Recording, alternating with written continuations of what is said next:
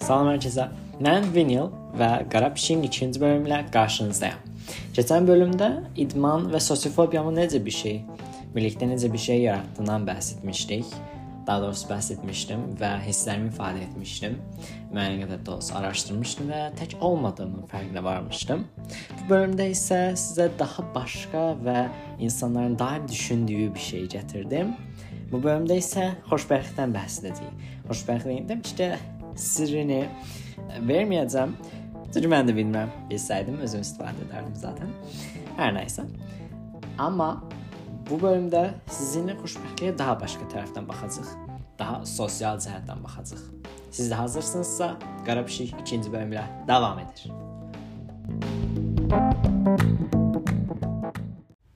Əvvəlcə birinci bölümdən sonra mənə dəstək olan bütün dostlarıma təşəkkür edirəm ə, ətrafımda podkast elədiyimi bilən çox az insan var. Yəni əsasən ə, o çox yaxın olan dost dairəm bilir və ə, mənə çox maraqlı gəlir ki, yəni mənə çox sevindirir ki, əslində ə, bir dostum isə həmişə soruşur ki, bəs ikinci bölümə axdı falan filan.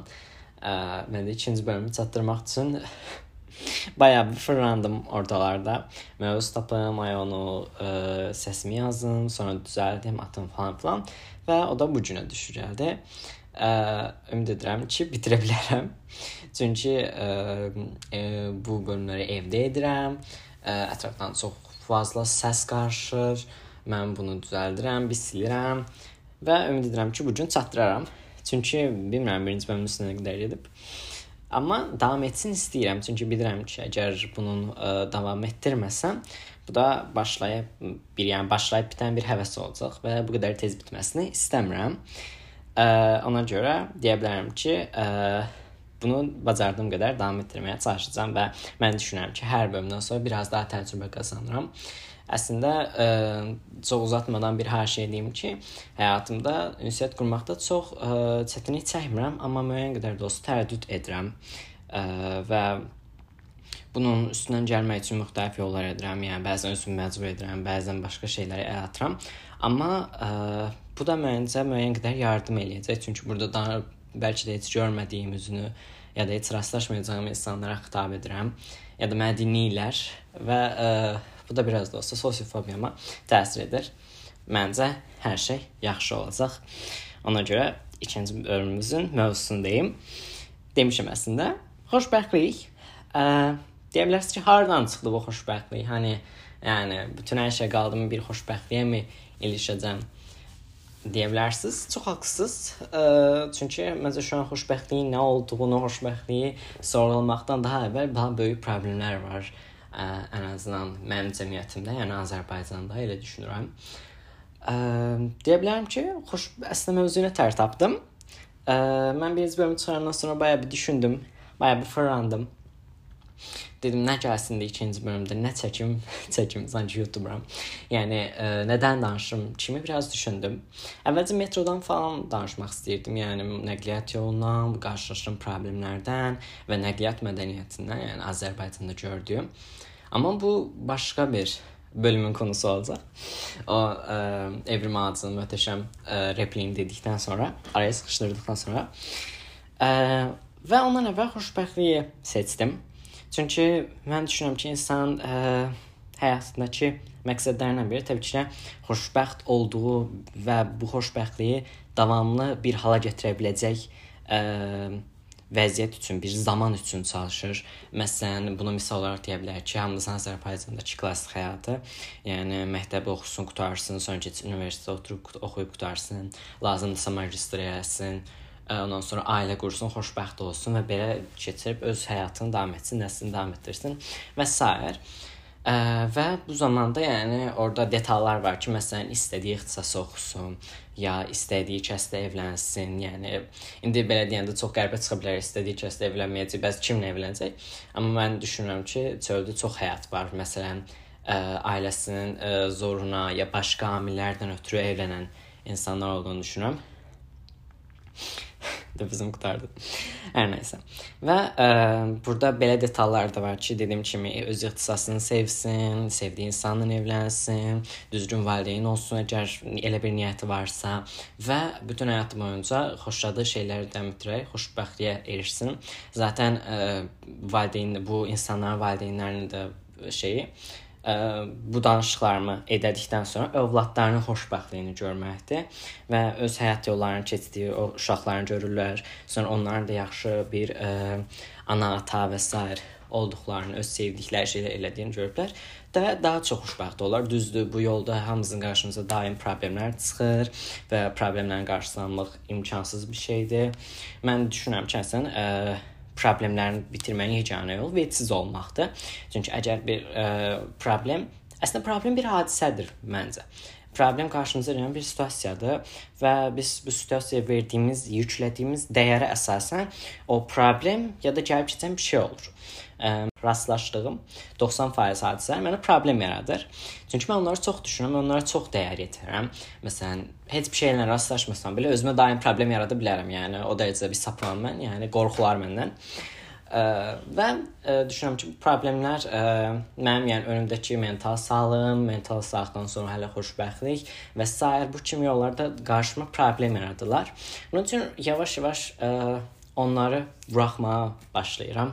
Özümü ə, e, mental mental cəhətdən təsvir edərkən mən bəzən şey düşünürəm ki, bir əlimdə 10 yerə uzanan bir ip tutmuşam və onları buraxmaq istəmirəm. Amma bu ipləri çox uzun müddətdir tuturam. Onun üçün əlimi ağrıtmağa başlayırlar və müəyyən nöqtədən sonra artıq bu ipləri buraxmasam, ə, e, mənə çox böyük zərərlər verəcəklər. Və bu ip misalından da gördüyüm kimi, ə, e, çox şey düşünürəm və belə yola verirəm. Bəzən ə, e, bu şeylərin axırı yaxşı olmur. Ə, e, məni krizislərə, depressiyaya aparırlar. Bəzən də həll edə bilirəm, üstəsindən gəlirəm. Və ona görə dedim ki, yəni ə, e, xoşbəxtlik əslində yaxşı bir nöqtə olar danışmalı.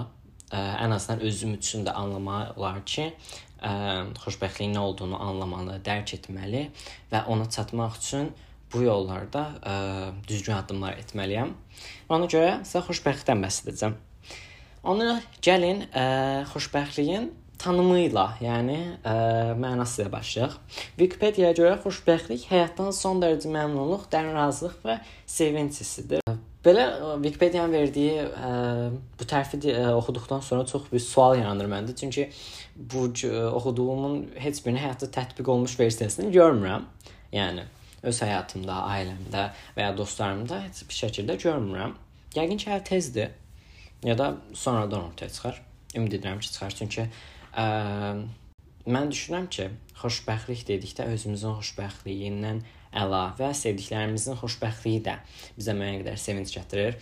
Ə, məsələn, tutaq ki, çox yaxın bir dostunuz var və onun xoşbəxt olduğunu görmək sizə də çox böyük təsirdir. Çünki o insanla daim ünsiyyətdəsiniz və onun xoşbəxtliyi müəyyən də olsa sizə də sıçrayır. Ə, və onun yanındaykən daha yaxşı hiss edirsiniz.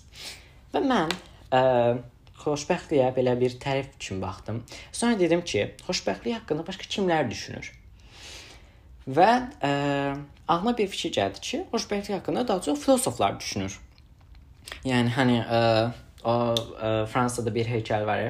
Ə, bir dənə kişidir, stolun üstünə oturub ə, əlinə alnına yaslayıb belə düşünür. Hətta onun ə, adı da var idi, deyəsən thinker, yəni düşünən insan deyə ə, e, bir ad da var idi. Axtarmaq lazımdır. Öndə deyirəm siz mənim evimi axtararsınız, çünki mən burada sizə danışmaqla məşğul olacağam. Evi zəhmət siz axtarın, yəni. Ə, e, və filosoflar haqqında axtararkən əvvəlcə ə, e, Azərbaycanca resurslara müraciət etdim, amma Azərbaycanca resurslar daha çox inşa xarakterlidir. Yəni ta ki yazdım xoşbəxtlik nədir, filozoflar görə və s. axtarış yerində daim qarşıma ə, təhsil sətləri, oradan inşa bölməsi, inşalar isə xoşbəxtlik nədir deyə gəldi. Çünki mən şəxsən bunları ə, e, mənbə olaraq qəbul edə bilmərəm. Niyə? Çünki bu ə, e, mənbələrdə ə, e, fərqli məqsədlər güdülür, fərqli məqsədlər. Çünki ə, bunu yazan bir şagirddir.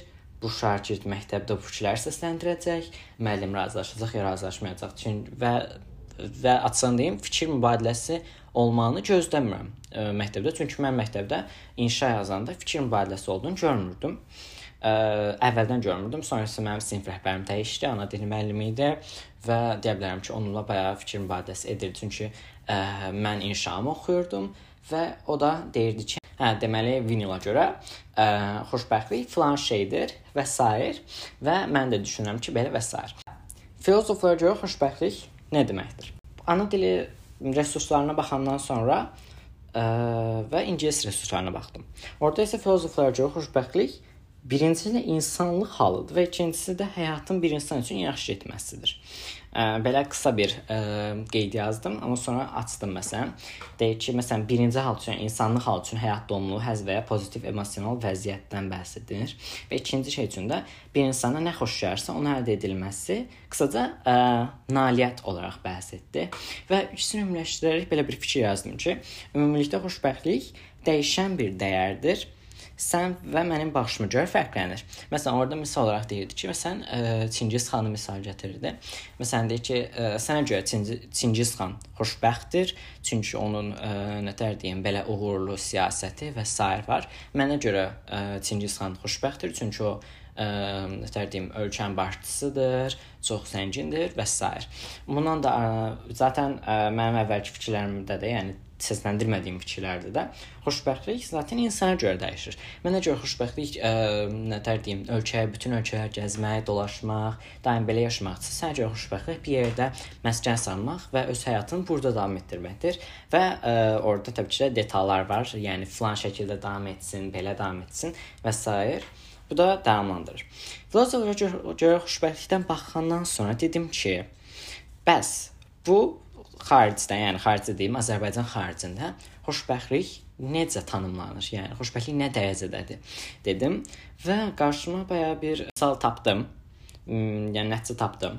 Və misal və deyə bilərəm ki, xoşbəxtliyin ə, e, sirləri olaraq bir dənə ə, e, etnoqrafik dizaynla rastlaşdım. Orda müxtəlif ə, e, cəmiyyətlərcə xoşbəxtliyə ə, sirlərindən bəhs edirdilər və bunlar ə, misallar var idi xüsusi sözlərlə. Yəni elə sözlərdir ki, bu tərcümə oluna bilmir. Məsələn, ə, Norveçdə buna free luft sleeve deyirlər. Ə, free luft sleeve isə ə, nəsə xaric ə, şeydir, outdoor lifestyle, yəni çöldəki həyat yaş, yəni çöldəki yaşam deməkdir. Ə, nətər deyə bilərəm? Yəni onlar ə, daim ə, təbiətlərdə, məsələn, nətər deyim, göllərdə ya ə, qarlı yerlərdə və s. Ə, yəni Norveç, Skandinaviyada o tərəflər ə, e, soyuq olduğundan elə dedi, belə ifadə etdim. Və onlar ə, e, daim bu cəmiyyətdə nətər deyim, ə, e, gəzirlər, kamp eləyirlər və s. və onlar bu yolla xoşbəxtlik tapdılarını deyirlər.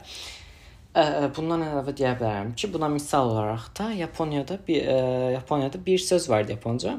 Xatırlaya bilmirəm şu an. Amma ə, sözdə forest bathing, yəni ə, nətər deyirlər? Meşə ə, vannası. Qısaca onlar da ə, Norveç sənədiklərini edirlər. Amma onlar daha çox meşələrdə gəzirlər. Yəni ə, nə deyim, Norveçlər daha çox açıq alanlarda, ya göllərdə və s. gəzərkən bunlar daha çox ə, meşənin içində itirlər və özlərini rahatladırlar mənasında.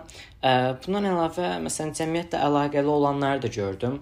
Fransızcadakı aperativ, yəni yeməkdən əvvəl yeyilən iştah açan ə, kimi ə, bir söz rastlaşdım və ə, məsələn ə, İspaniyada siesta olaraq gedir.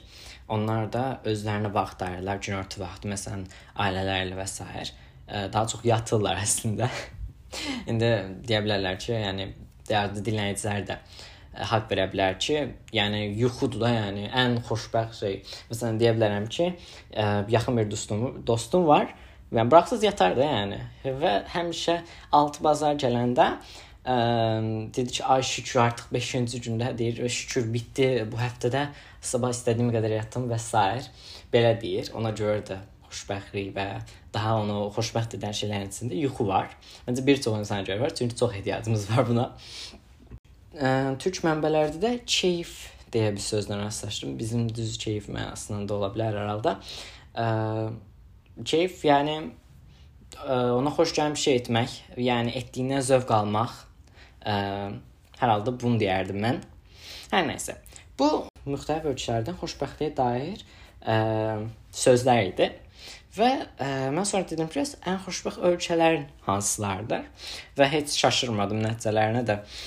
Ə, birinci yerdə Finlandiyadır, ikinci yerdə Danimarka, üçüncü yerdə İsveçrə, dördüncü yerdə İslandiya, beşinci yerdə Hollandiya, altıncı yerdə Norveç, yeddinci yerdə İsveç, səkkizdə Lüksemburq, doqquz Zelandiya, biraz uzaqlaşdıq. Sonra da onda Avstriya və geri gəldik Avropaya.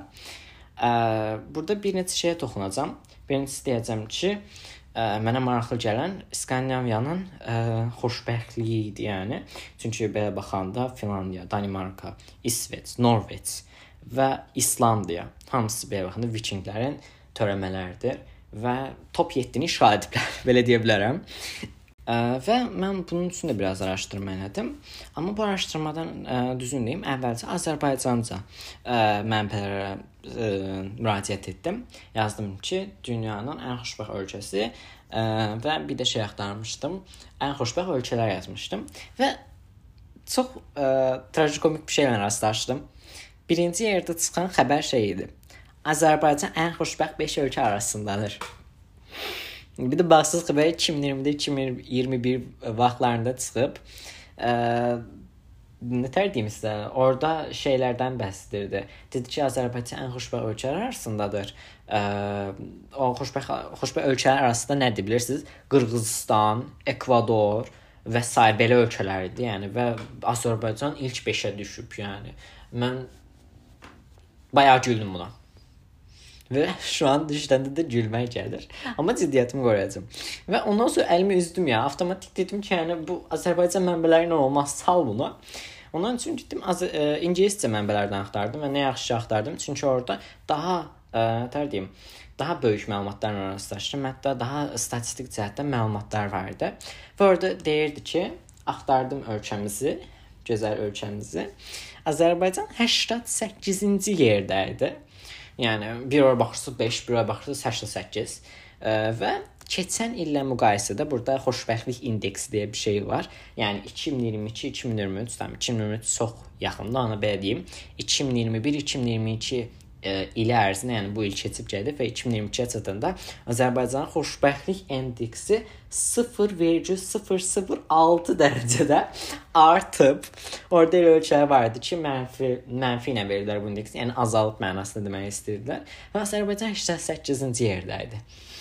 Ə, Bunu yaxşı deyə bilərəm ki, çox ə, dava elədiyimiz və ölkəmizin təbii təbii düşməni olan artıq, yəni ə, artıq bu şeyə çevrilib. Yəni təbiətin qanunları çevrilib. Yəni Azərbaycan cinsi ilə Ermənistan cinsi artıq təbii düşməndir və Ermənistan 84-cü yerdə idi. Bu arada o təbiət şimdi axlıma taxıldı. Baxın belə bir insana ə, əgər ə, biologiya bilənləriniz varsa, cins falan əgər qarışdırmışamsa əfv ola.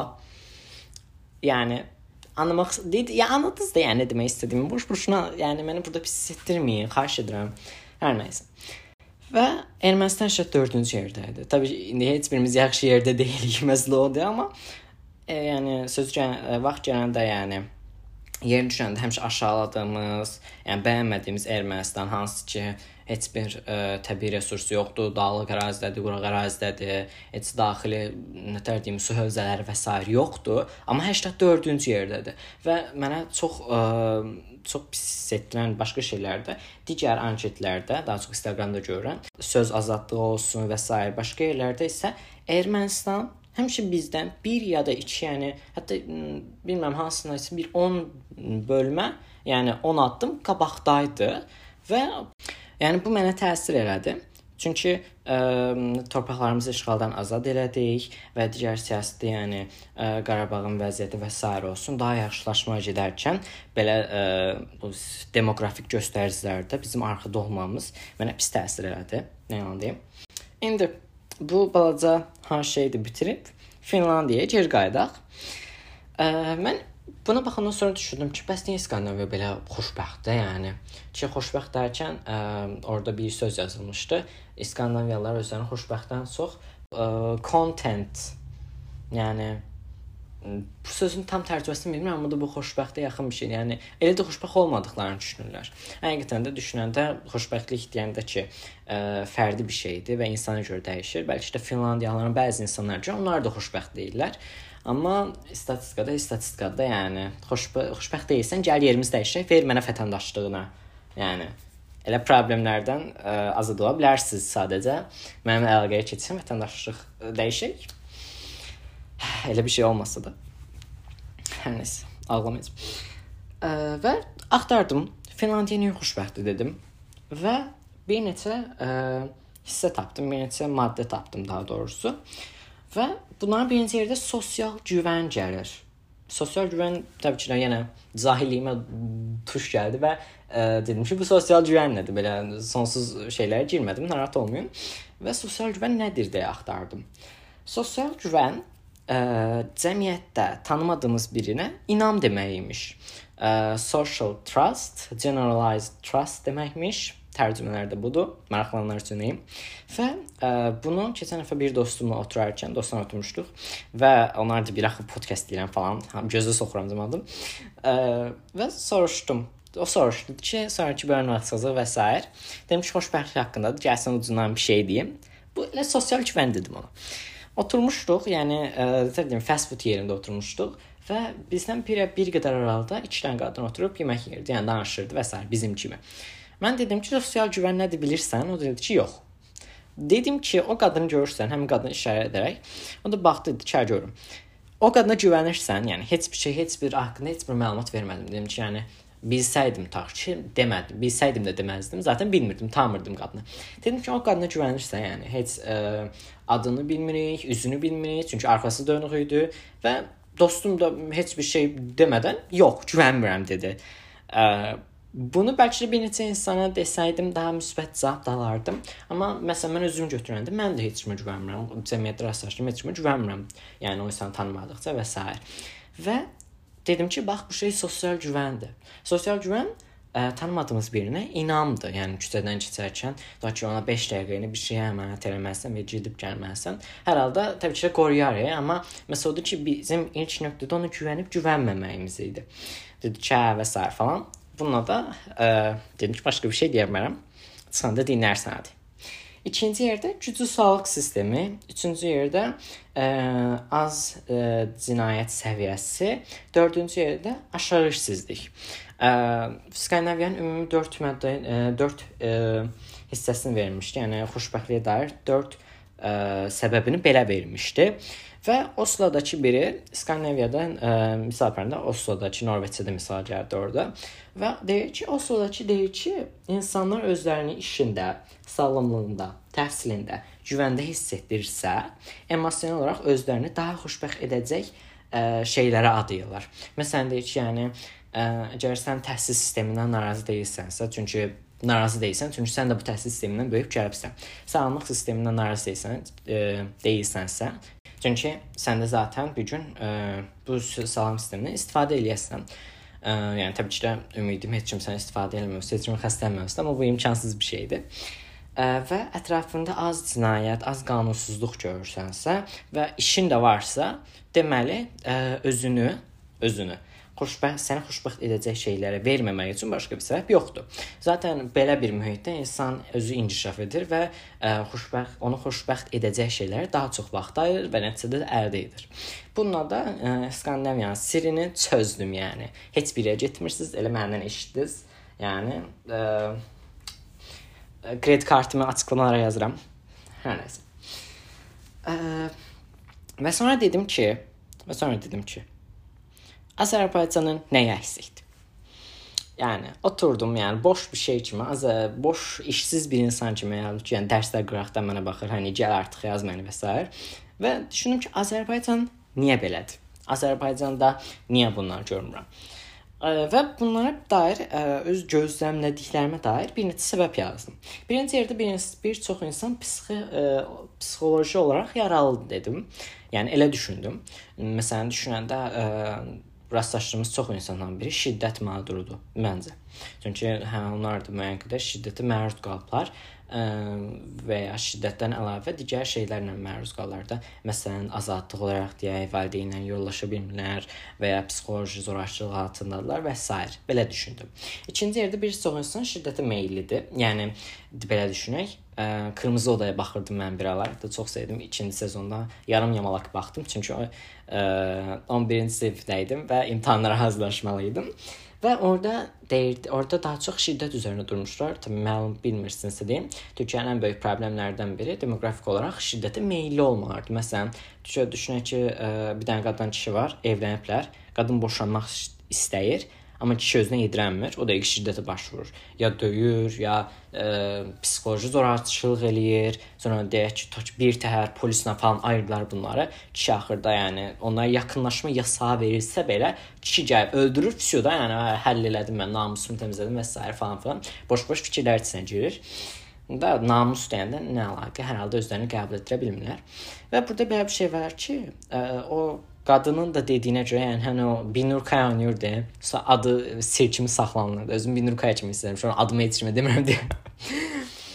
Və orada ə, e, şey deyirdi. Şiddət nəsildən nəslə örtür. Həmişə bölümün başında disclaimer keçirdilər ki, ə, e, heç bir insan şiddəti öyrənmir, yəni doğulanır, doğulan kimi şiddətlə, yəni şiddəti bilmir də, bu şiddəti öyrənir, sonra istəməsə də şiddəti davam etdirir. Yəni şiddət belə bir şey davam edir.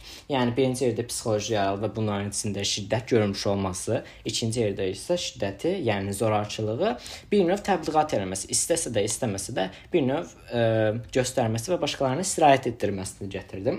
Üçüncü yerdə bəlirsiz, yönləmsiz və qarışıq. Bunu ə, cəmiyyəti, xalqı ə, ə, tanımlamaq üçün istifadə etdim. Çünki Azərbaycan inkişaf eləməkdə olan bir ölkədir. Ə, şu an ə, heç kim gözünüz ə, sabah gözünü açanda qarına ilə qarşılaşacağını bilmir.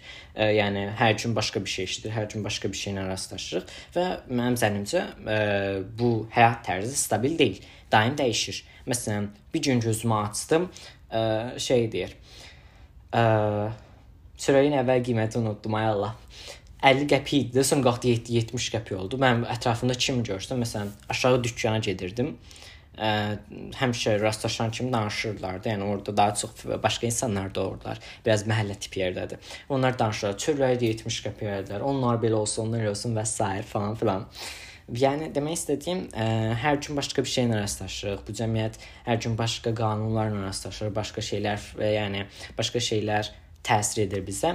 Onun üçün ə, cəmiyyətin verəcəyi reaksiya da qarışırdı. Çünki mən şəxsi olaraq deyirəm ki, yəni cəmiyyətin ə, reaksiya nə reaksiya verəcəyini bilmirəm. Məsələ odur ki, ə, əvəzindən deyə bilərəm ki, cəmiyyət bir çox şeyə reaksiya vermir. Verməli olduğu yerdə vermir. Məsələn, ətər deyim, ə, 19 fevralda gözümü açmışdım səhər ə, biraz ə, sosial şəbəkəyə baxdım. Orada şey deyir. Ə, 19 fevrala qədər 19 qadın öldürülüb. Onlardan biri də məsələn mənə çox təsir etdi. 14 yaşlı bir qız idi. Yəni məndən belə balacadır və o qız nə eləyib ki, öldürülüb, yəni. Və baxanda da şey deyir, üçü əri tərəfindən, üçü kişi tərəfindən, biri qardaş tərəfindən ə, və s. biri köhnə əri tərəfindən ki, ə, köhnə əri, yəni köhnə həyat yoldaşı öldürülməsi mənə böyük təsir elədi ki, yəni tam boşanıbsız, ayrılıbsız, gəlib nə istəyirsən ki, bunu öldürürsən. Yəni Türkiyədə də çox kəndə mən anlam verə bilmirəm. Yəni tam səbəbini də bilirəm ki, özünü qəbul edirəm, özünü sıxışdıramır, o kişilik egosu falan dağılmır. Deyir ki, mütləq öldürməliyəm, yəni bədəl ödətməliyəm. Kimdən nəyin bədəlini alır Allah bilir, amma yəni bunu düşünür. Və bu çox boş bir şeydir, yəni. Mən səbəbini bilsəm, yəni də özümü qəbul etdirəmirəm ki, bunu niyə edər, yəni? Bir şəkildə hər şey normallaşsa da bu mənim üçün normallaşa bilmir.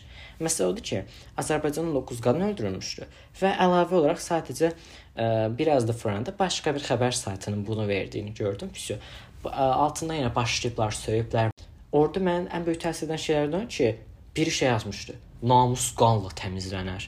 Yəni tamam, bəlkə həyat yoldaşına bəzi namus problemləri yaşaya bilərsən ki, namus problemləri və ya namus başqa ə, nətər deyim, anlayışlardır ki, şu an onlar üstə düşünməmişəm deyə bir fikir deyə bilmərəm. Amma yəni onu öldürməsi, qanla təmizləmək və s. Yəni bu deməkdir ki, ə, bu ölkənin şeydir. Ə, nətər deyim, nəsə oldu, ailə məişət hadisəsi oldu. Ə, mən boşana bilməyəcəm, yəni bundan, yəni tutaq ki, ta ki ta ki, kişi haqlıdır da, yəni. Ta kişi haqlıdır və boşanmaq istəyir. Yəni ta ki ə, kişinin namusuna xələl gətirib və s. falan filan. Yəni bu deməkdir ki, ölkənin hüquq sisteminə falan güvənmirsən ki, ə, bu nətər deyim, ailə məişət hadisəsini həll etmək üçün öz gücündən istifadə edirsən də, hüquq sisteminin gücündən istifadə etmirsən. Belə şeylər var, yəni insanlar bunu düşünməlidir, üstünə düşünməlidir. Amma düşünmürlər, cavab vermirlər, səs çıxarmırlar ki, mənə ən böyük təsir edən bu şeydir. Mən düz deyim ki, Azərbaycanı bəyənmirəm düzdür, müəyyən şey, qəşəng şeyləri var ki, başqa yerlərdə görmədiyim, yəni Azərbaycan xarici yerlərdə, başqa yerlərdə görmədiyim şeylər var ki, amma amma Azərbaycanda bəyənmədiyim şeylər aşırı çoxdur, yəni. Və mənə yəni şans versələr ki, şans versələr ki, burdan gedim, mən yəni heç gözləmədən gedərəm. Yəni başqa yerdə gəl bir həyat qura biləcəmsə, heç gözləmədən gedərəm. Ə, şu anda zaten onun üçün çalışıram. Məsələn, universitetə yaxşı oxuyuram, ortalama yüksək olsun və s. təqaüd falan filan qazanım, özümdə müəyyən hərfdə inkişaf etdirim ki, Avropaya və ya başqa Avropa və ya Asiyaya, məsələn, Koreyada, Yaponiyaya gedib orada öz həyatımı daha da yəni yaxşı inkişaf etdirim. Orada öz həyatımı başladım deyirəm çünki bilirsən mənim həyatım ə, şu an başlamış olaraq nitələndirmirəm. Hazırlıq aşamasında deyirəm. E, və çox məni narahat edir. Bilirəm məsələdən uzaqlaşırıq. Yəni xoşbəxtlikdən uzaqlaşır, amma bunu deyə bilərəm ki, Avropadakı bir gənclə Azərbaycanda bir gənci müqayisə edərkən deyirəm ki, o insan hal-hazırda qabaqdadır və öz həyatını davam etdirir. Çünki o neyniyəcək yəni məsələn məktəbi qurtarıb Azərbaycana gəlmək istəyir ki, yəni də həyatını başlamaq üçün. Yox, o insan burada həm məktəbdə bitirib, hətta universitetə belə tələsmir o insan o şu an ə, mənə nə yaxşı gəlir, həyatım qaldı nə eləmək istəyirəm deyə bəzi gənclər Avropada gap year deyirlər, yəni boş il deyirlər. Bunu eləyir ki, məsələn, ə, gedir ə, hər hansı bir ə, şeydə ə, xəstəxanada praktika keçir məsələn, razılaşırlar, deyir ki, məsələn, ə, filan il, filan ay ya da neçə ay boyunca sizdə praktik eləyəcəm. Bəyən baxım mənə bu iş uyğundur. Baxım bu sayda özümü inkişaf etdirmək istəyirəmmi? Təbii ki, şeydir, bu bunların xəstəxananın ə, sağlıq sisteminin keyfiyyətini azaltmır. Çünki ona elə ağır falan işlə vermirlər. Hər halda ətrafda falan dolanıb nə olduğuna baxır və ona maraqlı gəlsə davam etdirmək istəyir özünü. Amma Azərbaycanda məsələn deyə bilərəm ki, ə, nə edir Azərbaycanlı? Azərbaycan universiteti qurtarmadı bir şərtdən girməlidir universitetə. Məsələn, elə bir şey yoxdur. Gözləyirsən ya və s. mənə dəxli yoxdur. Deyir ki, girməlisən universitetə. Zaten bunun üçün çalışır. Məsələ odur, anlayırıq 11-ci sinifi ya da 9-10-11-i abituriyent anlayışı var təbii ki, bu ölkədə. Bunun üçün çalışıbdı girsin, girsin universitetə. Amma məsələn, bəlkə biri universitetə girmək istəmir, bəlkə universiteti bəyənmir. Məsələn, ola bilərdi, yəni universitetin verdiklərini istəmir, istəyir ki, gedib peşə məktəbində və s. başqa şeylər oxusun. Ola bilər mənə nə qədər ə, məsələn mən ayrı vaxtda düşünsəm ə, elə də məntiqli bir fikir olduğunu deməsəm də ola bilər. Çünki bu həyatda hər insan fərqlidir. Amma ə, belə bir şey var ki, universitetə girən versiyanı düşünəndə o uşaq universitetə girdi, universiteti bitirdi. Ə, ya iki şeydir, ya magistraturaya verəcək və orada həyatını davam etdirəcək. Yəni Azərbaycan həyatını davam etdirəcək. Ya da mənim kimi universitet bitirdi, yəni universitet bitirdiyi andan başlayacaq xarici şeylər göndərməyə, sən CV olsun ya da təqaüd proqramlarına qoşulmaq olsun. Çünki o həyatını gəlib Avropada başlatdıracaq. Çünki Avropadakı insan şu an sosial cəhətdən daha güclüdür, mental cəhətdən daha güclüdür, akademik daha cəhətdən daha güclüdür. Amma Azərbaycandakı boş-boş mühazirə öyrənib falan filan. Yəni bilirsən tər mənə mənə ə, Azərbaycan tarixini öyrətdilər. Yəni məsələn deyim ki, müəllim həqiqətən öyrədirdi. Amma məsələ odur ki, mühazirəsi 30 səhifə idi. Bir həftə verirdi və mən digər fənlərimin arasında bu 30 səhifəni sıxışdırmalı idim bir şəkildə ə, bunu oxumalı idim, danışmalı idim, öyrənməli idim və s. amma və bunu yəni bilikdə bunu saxlamalıyam və s. Amma məsələ odur ki, bu sistemdə, yəni bu şəraitdə bunu eləmək qeyri-mümkündür. Bunun üçün super zəka falan olmalısınız ağlınızda tutmaq üçün. Yaddaşınız çox güclü olmalıdır. Və belə bir şey var ki, Azərbaycan bilik, Azərbaycan təhsil sistemi bilik hesabına yox, qiymət hesabına öyrədir. Məsələn, ə, təhsil nə üçün olmalıdır? Təhsil bilik üçün olmalıdır. Təhsil ə, 5 alım, 100 alım və s. üçün olmamalıdır. Amma Azərbaycanın tam tərsidir. Məsələn, düşünün mən ə, məsələn mən tarixi oxuyanda ağlımda bir fikir var idi ki, mən bu tarixdən ə, nətər deyim, A almalıyam. Çünki əlaçı olmalıyam. Çünki o mənə pul verir və s. falan filan. Belə-belə uzanıb gedirdi. Mən heç vaxt düşünmürdüm ölkəmin tarixini və s. bilim ki, bu da çox mənasız bir şeydir. Mənə nə ə, Qacarların nə elədiyi ya da Qacarların Azərbaycan gəlib nə elədiyi mənə çox mənalı deyil. Yəni şeydən bəhs etmirəm. Ə, Azərbaycanda baş verən müqavilələrdən bəhs etmirəm, ya Çürəkçay, ya və s. bunlardan bəhs etmirəm. Bunları bilməliyik, müəyyən qədər tarix bilgimiz olmalıdır, heç. Amma yoxsa ə, bura yürüyüş elədi və s. falan elədi, buraya tutur getdi. İmtahanda sual olaraq gəlir, mən bunu yazmalıyam və s. Yəni çox boş bir şeydir. Buna ehtiyacım yoxdur. Yəni niyə? Niyə soruşuram? Özü ki onun 700 sualı var idi, yəni. yəni gedib ə, ondan 85 yığdım və əlaçılıqdan kəsdirməmin səbəbi olan bir o fən idi, bir də riyaziyyat idi ki, onu 89-dan bildirdim. Və bu baya boş bir şeydir. Yəni Azərbaycandakı təhsil sistemindən Avropadakı təhsil sistemi məqsədi bir deyil. Mən bunu demək istəyirəm. Zaten düzgün təhsil olmadığı təqdirdə düzgün insanlar da yetişməz. Düzgün insan yetişməzsə bu cəmiyyətdə ə, önəmli işləri hansı insanlar edəcək? Tamam, ə, məsələn belə düşünəndə Heç nə mən bunu burada nöqtəliyim. Çünki bu təhsil sistemi çox böyük bir şeydir və bu problemlər də uzayıb gedir və şu an xoşbəxtdən bayaq uzaqdayıq. Onun üçün geri gəlirik. Hər nəsə. Və Azərbaycanda dedik ki, bəlirsiz yönəmsiz və qarışıqdır. Şu an 4-cüsünə keçirəm. Orta Asiya zehniyyəti. Orta Asiya zehniyyəti ə, xoşbəxtlik xoşbəxtliklə Orta Asiya zehniyyəti çox uzaq nöqtələrdədir. Çünki Orta Asiya zehniyyəti, Orta Asiya incə dediyim kimi qarışıq və yönəlimsiz bir cəmiyyətdir. Yəni belə ümumiyyət topladıqda Orta Asiya dediyim ə, əsasən Türkiyəni, Azərbaycanı nəzərdə tuturam və hər ikisi artıq puluna pula görə oxu, pula görə oxuyursunuz, pula görə həyatınızı davam etdirirsiniz. Məsələn, mən pul almasam, ə, həyatımı necə davam etdirəcəm? Belə düşünəndə təbii ki, şeydir.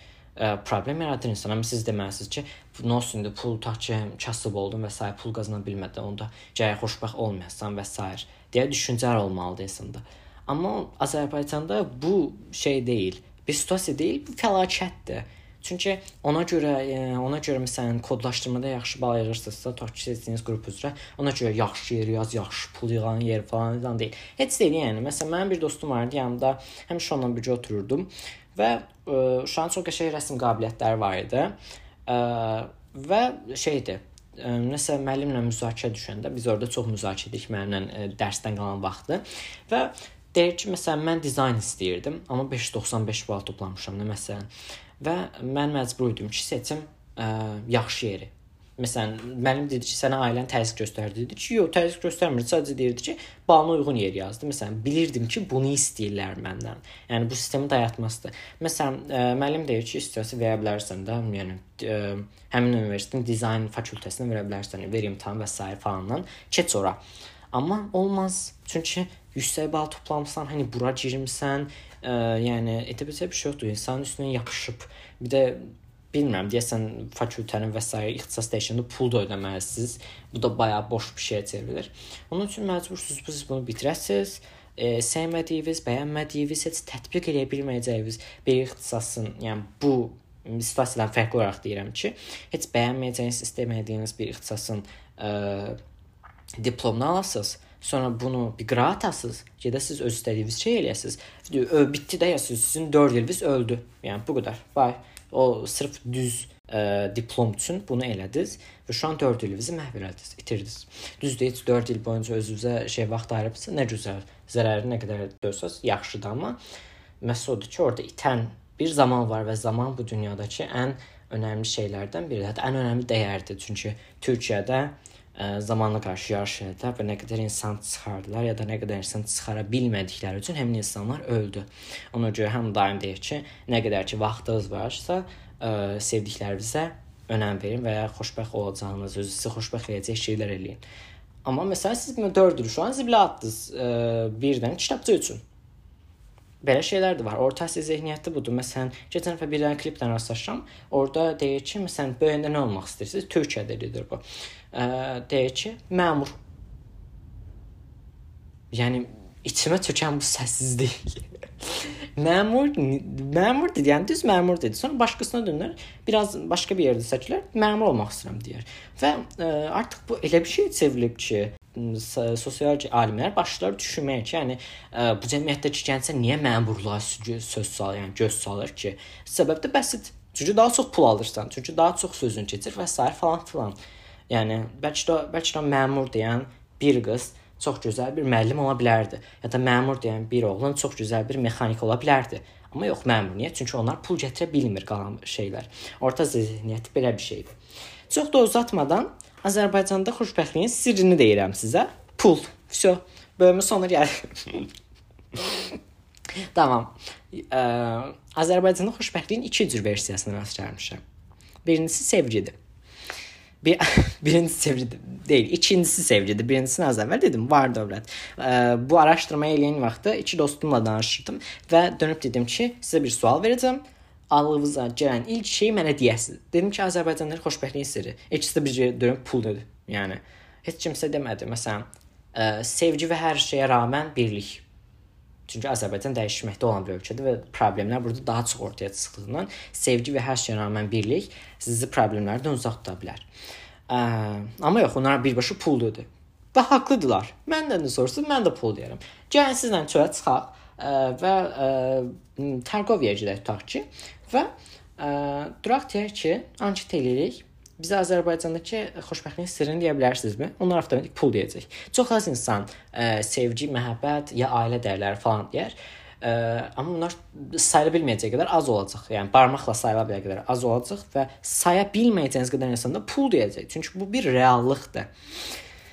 İkinci yerdə sevgidir, üçüncü yerdə ailə dəyərləridir ki, sevgi və ailə dəyərləri bir nöqtədə eyni şeydir. E, çünki sevgi dediyim bir ailəyə sevgi ola bilər, bir də tanımadığınız bir insana məhəbbət və s. onunla evlənib bir ailə qurandan sonra sevginiz ailə dəyərlərinə yavaş-yavaş e, ki, ötürməyə başlayasınız bu sevgi. Ki mən bir ailəm var artıq, bu ailənin gələcəyini və s təmin etməkdən məsulam. Hər iki şəxs olaraq yəni ə, həm ata, həm ana və övladlar, ə, övladları qorumağa çalışıram. Onlara gözəl bir gələcək vaad etməyə çalışıram. İnsanlardan bəhs edirəm. Və şeydir, yəni o sizin aranızdakı məhəbbət yavaş-yavaş ə, artıq sevgi ailə dəyərlərinə çevriləcək. Yəni ə, bu ailəni qorumalıyam.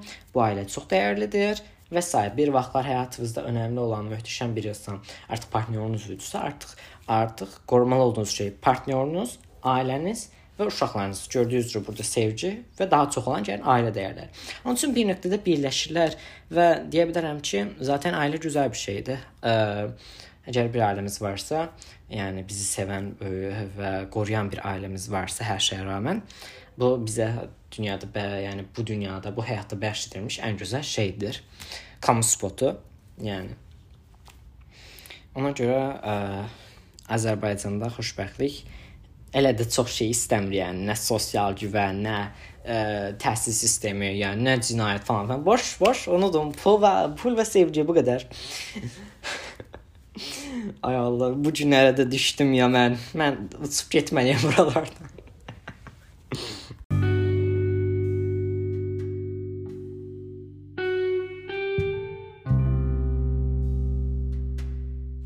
Bəli dostlar, ikinci bölümün sonuna gəldik. Bölümdə xoşbəxtlikdən bəhs etdim. Araşdırmamı sizinlə bölüşdüm. Müqayisə elədik, İskandinaviyanı gəzdik və Azərbaycana geri qayıtdıq. Azərbaycanda nə görmək istədiyimi dedim. Bəzən söhbətdən çox uzaqlaşdım, amma ümid edirəm ki, bir nöqtədə hamısını bir yerə yığa bildim. Əslində daha şən bir ə, son istəyirdim. Amma bu bölümün ə, axırını fərqli bir vaxtda çəkdiyim üçün çox da eləyə bilməyəcəm. Əslində biraz ə, qəribə oldum. Bütün gün xoşbəxtliklə danışdım sizə. Demək olar ki, bütün gün buna getdi. Amma axırda buna dair ümidlərimin çox az hissəsi həyatda qaldı. Ona görə qəribə hiss edirəm. Mən ə, bunu necə həll etməliyəm bir düşünəcəm. Hər halda bir yol tapmağa çalışacağam. Ümid edirəm ki, taparam. Hamınıza dinlədiyiniz üçün təşəkkür edirəm. Sonraki bölümdə görüşəndək.